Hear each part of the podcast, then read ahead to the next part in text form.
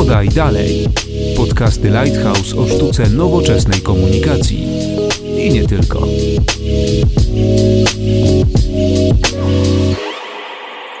Dzień dobry, Konrad Domański. Zapraszam na czwarty odcinek podcastu Lighthouse Podaj dalej. W poprzednim rozmawialiśmy o pracy w zdrowiu, komunikacji w branży, jak to się ładnie nazywa, healthcare, od strony PR-owca i dziennikarza, którzy zajmują się tą tematyką na co dzień. Dzisiaj chyba nieco bardziej zgłębimy ten temat komunikacji i PR-u, ale pod kątem naszej branży. Dowiecie się m.in. o tym, czy firmy, które opiekują się wizerunkiem innych, potrafią zadbać o swój własny PR, czy jak pracuje się w tej branży i komunikuje codzienne działania. O tym i nie tylko o tym nasi goście. Małgorzata Baran, zastępca redaktora naczelnego Proto. Dzień dobry. Oraz Dorota Górska z Lighthouse. Dzień dobry. Drogie panie, skąd przyjechałyście i czym się zajmujecie? Patrzysz na mnie, czyli e, najpierw ja pracuję w Lighthouse już od kilku lat. Wcześniej pracowałam w małej agencji, tutaj już bez podawania nazwy, ale zaczynałam w dziennikarstwie więc mogę powiedzieć, że znam ten świat komunikacji jakby z dwóch stron i mogę powiedzieć o, o tym, e, jak funkcjonują osoby pracujące po dwóch stronach e, barykady. Pełnię funkcję zastępcy redaktora naczelnego portalu branżowego Proto. Z racji tego, że skupiamy się na branży public relations, z PR-owcami mamy do czynienia wyjątkowo często więc myślę, że będziemy mieć dużo tematów do rozmowy. Tak, i od tych tematów wspólnej komunikacji zaczniemy, bo myślę, że tych, którzy słuchają ten podcast, y, zainteresuje szczególnie to, jak wygląda taka codzienna komunikacja pomiędzy dziennikarzami branżowymi a agencjami PR. Z dziennikarzami zajmującymi się komunikacją kontaktuję się dosyć często, ponieważ moja funkcja w, w Lighthouse skupia się między innymi na autopromocji firmy i e, ja jestem odpowiedzialna za wysyłanie komunikatów e, jakby mm, o firmie, o ludziach firmy, o tym, co robimy. E, między innymi na przykład o tym, że zaczęliśmy mm, robić podcasty. W związku z tym kontaktuję się z branżą PR-ową dość często.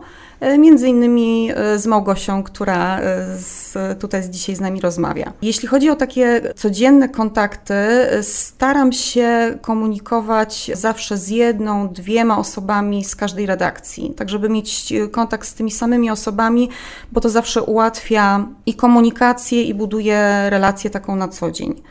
Nie wiem, jak to wygląda z Twojej strony, czy, czy nie wiem, zawsze komunikujesz się jakby ty bezpośrednio z agencjami, z jedną osobą, z, czy to są jakieś przypadkowe e, osoby? Mm, to bardzo zależy, natomiast jeśli już z jakąś agencją współpracujemy dłuższy czas, znamy się, to zwykle są to te same osoby, bo już po prostu mamy wypracowaną relację, wiemy mniej więcej o sobie, z czym do kogo można się zwrócić.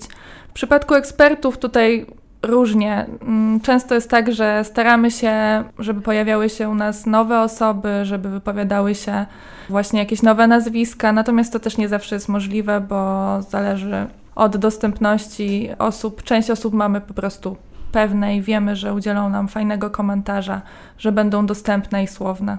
No właśnie, bo to też często jest tak, że ja bezpośrednio jestem pytana o, o jakieś komentarze eksperckie z naszej firmy i mimo, że powiedzmy takiego komentarza nie udzielam ja personalnie, tylko osoba z firmy najczęściej jest to dyrektor, tak, czy, czy nie wiem, osoba zajmująca się kryzysami, technologiami, w zależności od tematu, ale mimo wszystko często jest właśnie tak, że dane media branżowe, znając, wiedząc już, że jakby ja zajmuję się komunikacją wewnętrzną w firmie, zwracają się bezpośrednio do mnie, a ja już e, ceduję tematy na, na poszczególne działy, w zależności od tego, jaka jest potrzeba. Faktycznie u nas też tak to wygląda, że zwracamy się, jeśli wiemy, że w danej agencji jest osoba, która będzie w stanie to skoordynować i po prostu to należy do jej obowiązków, to do tej osoby się odzywamy i z nią ustalamy te szczegóły, kto się wypowie, ona już wewnętrznie szuka sobie eksperta, natomiast nie wszystkie firmy mają takie rozwiązanie, że jest osoba wyznaczona do tego kontaktu na zewnątrz i coś koordynuje. Czasami jest tak, szczególnie chyba w mniejszych e, firmach, że nie ma osoby odpowiedzialnej za e, taką komunikację zewnętrzną i wewnętrzną, tylko bardzo różnie to jest rozłożone w zależności od tego, kto ma czas. Czy to częściej PR-owiec przychodzi do dziennikarza, czy, czy dziennikarz do PR-owca? Patrząc po liczbie wiadomości, które otrzymuje na skrzynkę, to częściej PR-owiec przychodzi do dziennikarza. Natomiast myślę, że ze, ze względu na naszą specyfikę my też wyjątkowo często odzywamy się do PR-owców. Podejrzewam, nie pracowałam, przyznaję, w innym medium o innym e, charakterze,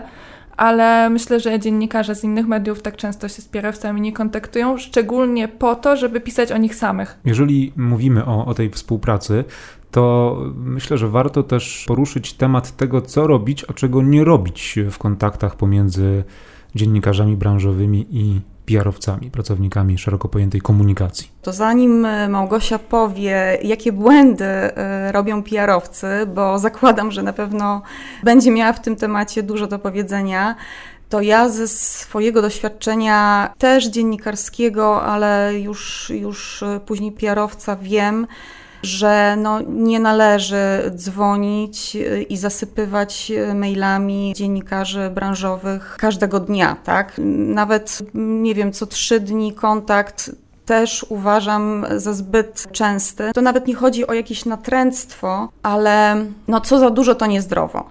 Natomiast z drugiej strony też nie należy w ogóle się nie odzywać i na przykład ograniczać się tylko i wyłącznie do wysyłania komunikatu prasowego, na którym jeszcze nam bardzo zależy, tak? Bo no bo z jednej strony chcielibyśmy, żeby się coś pojawiło y, w takim medium, a z drugiej strony nie może być tak, że no jakby nie podtrzymujemy tego kontaktu dobrze jest wyważyć jakby, tak, te relacje, żeby nie było nas za dużo, żeby ten dziennikarz nie miał nas dosyć, ale z drugiej strony też, żeby o nas nie zapomniał, tak, bo zniknięcie z pola widzenia też no, nie, jest, nie jest dobre dla nas. Tu się zupełnie zgadzam z Dorotą, trzeba to jakoś wyważyć.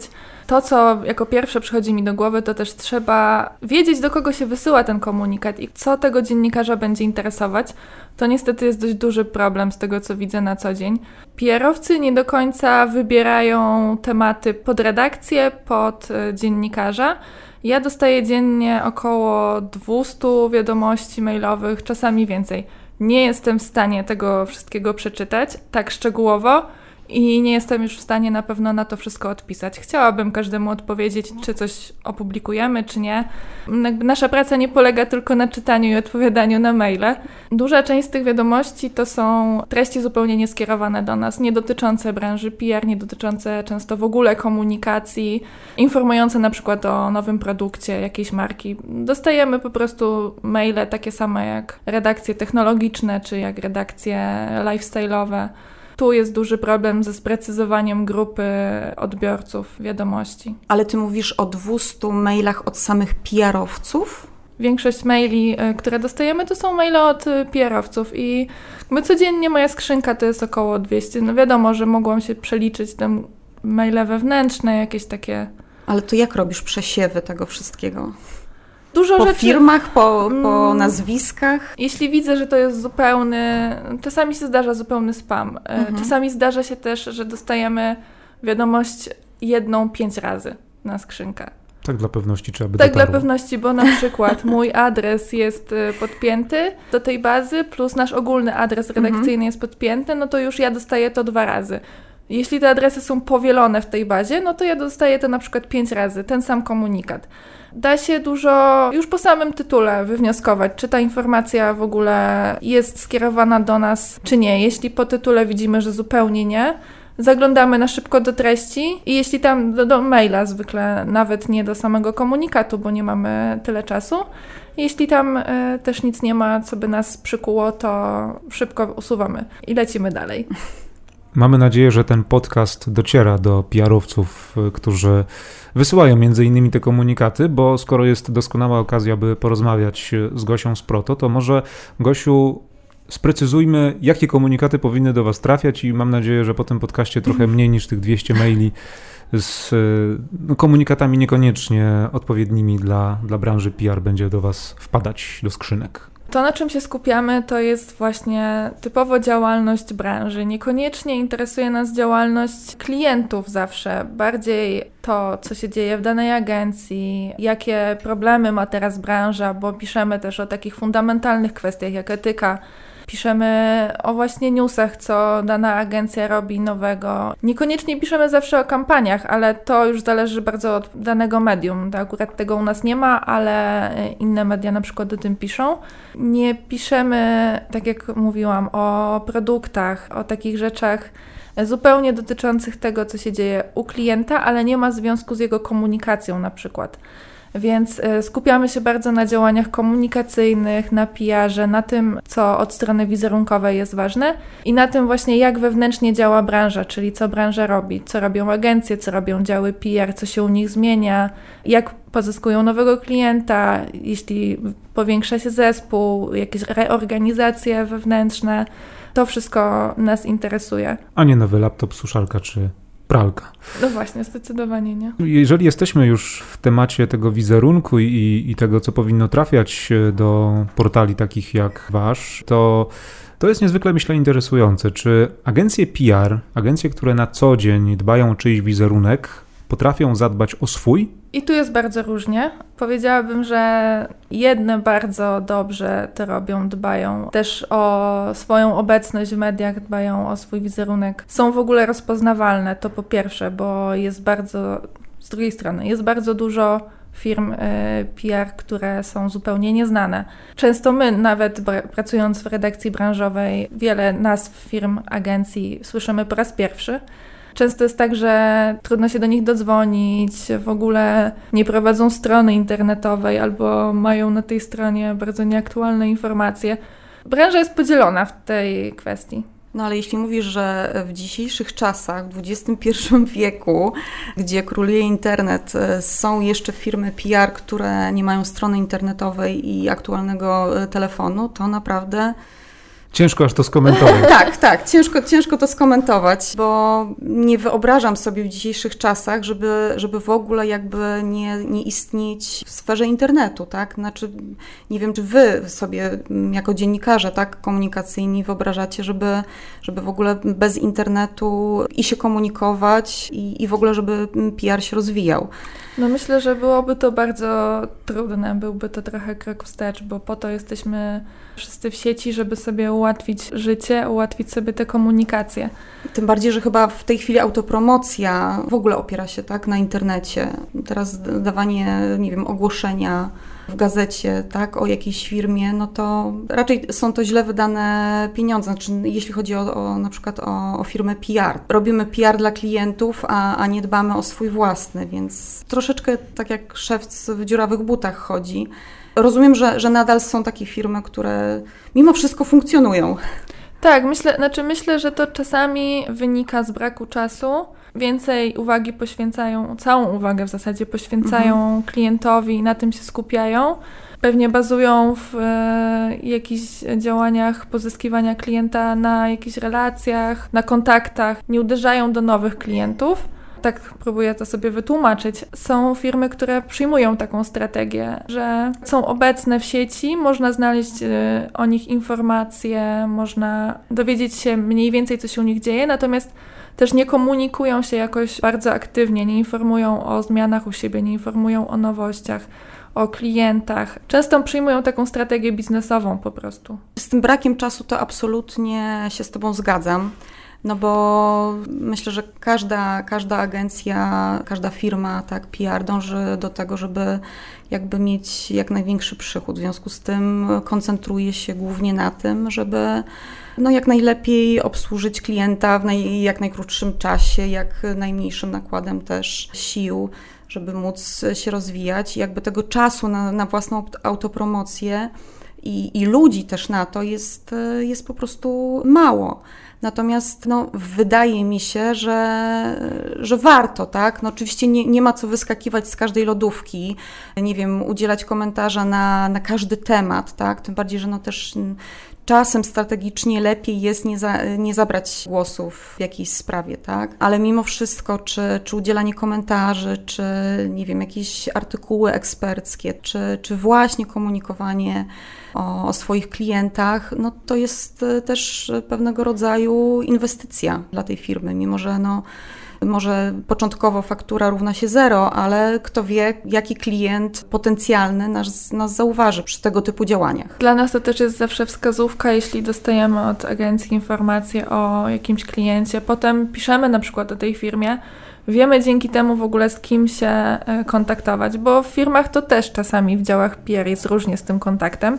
Nie zawsze nawet rzecznicy prasowi są osobami dostępnymi, więc jeśli mamy też kontakt przez agencję, chcemy się czegoś dowiedzieć o firmie, to jest duże ułatwienie. Wiemy, gdzie tego kontaktu w ogóle szukać.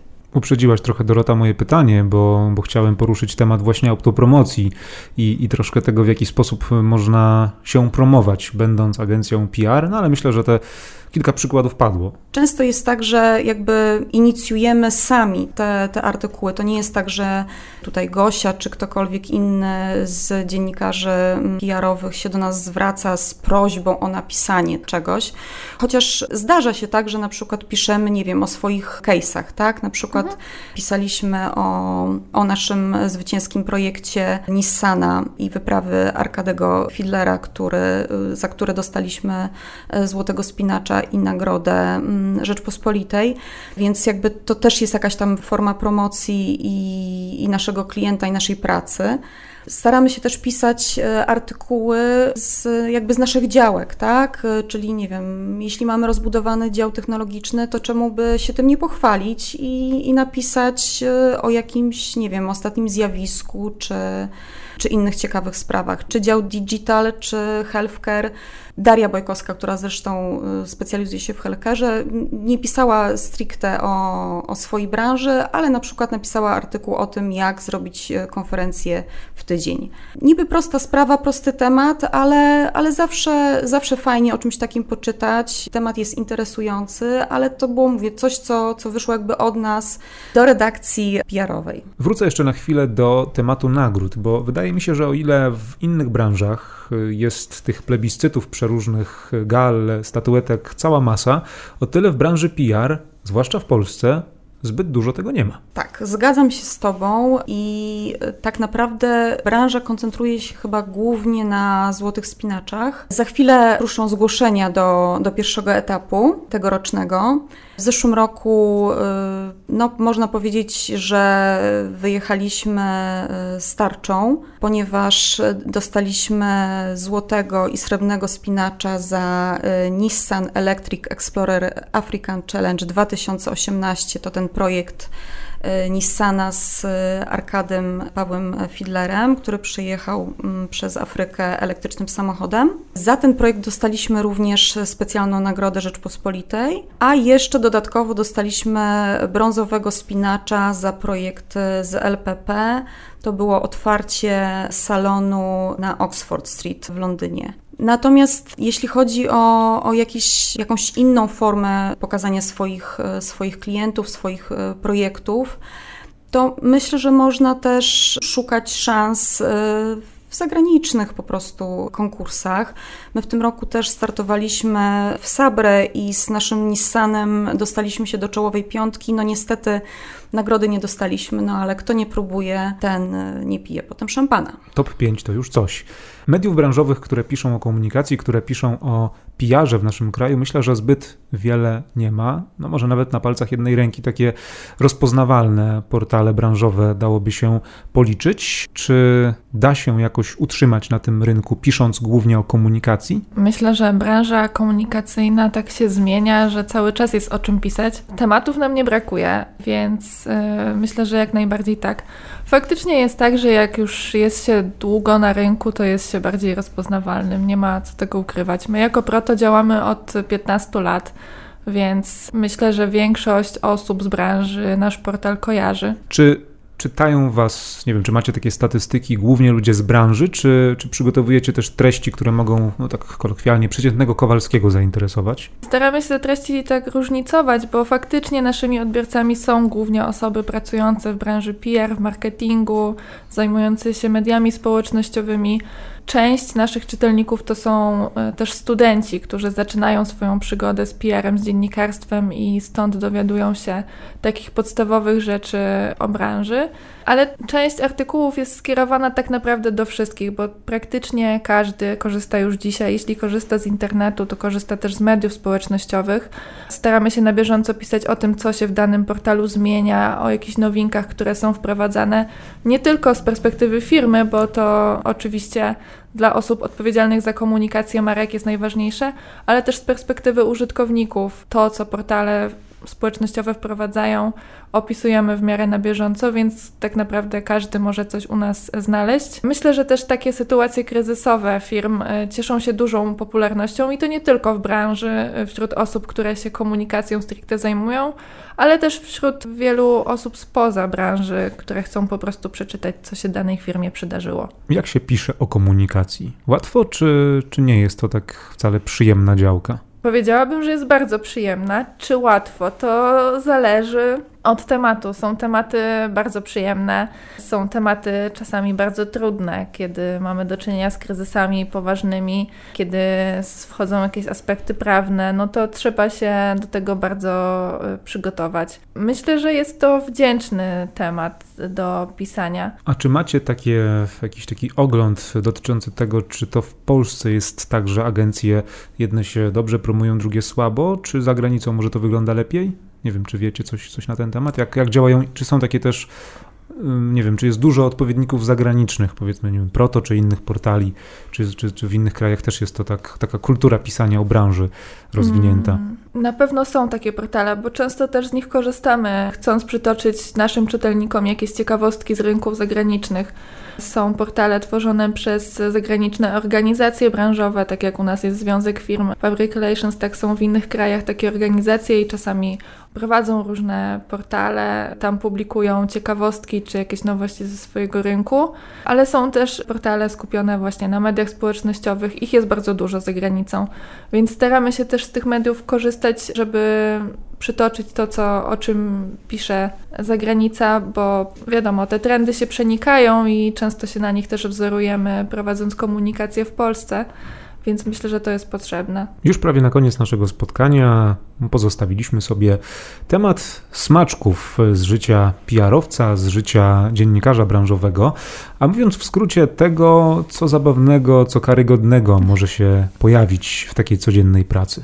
Gdybyście miały, drogie panie, przytoczyć przykład czy kilka przykładów takich zabawnych, a czasem nie do końca zabawnych sytuacji. To może ja zacznę od tego, że te sytuacje są zabawne dopiero z jakiejś perspektywy czasu. Zazwyczaj wpadki y, nie są zabawne, wręcz przeciwnie, budzą panikę, wywołują kryzysy i pewien chaos w firmie. Oczywiście po jakimś czasie te sytuacje przytaczane są jako anegdoty na spotkaniach nieformalnych i w ogóle w rozmowach, więc wtedy owszem bywa zabawnie, szczególnie kiedy można koledze czy koleżance wytknąć pewien taki, taki błąd, może nawet nie, nie w kontekście tego, żeby, żeby dokuczyć, ale no żeby rozładować atmosferę. Natomiast w momencie, kiedy takie sytuacje się zdarzają, ciężko mówić o tym, że, że no jest zabawnie, więc może od tego należałoby zacząć mówić w ogóle o, mówiąc w ogóle o wpadkach. E, najczęstsze wpadki są chyba związane z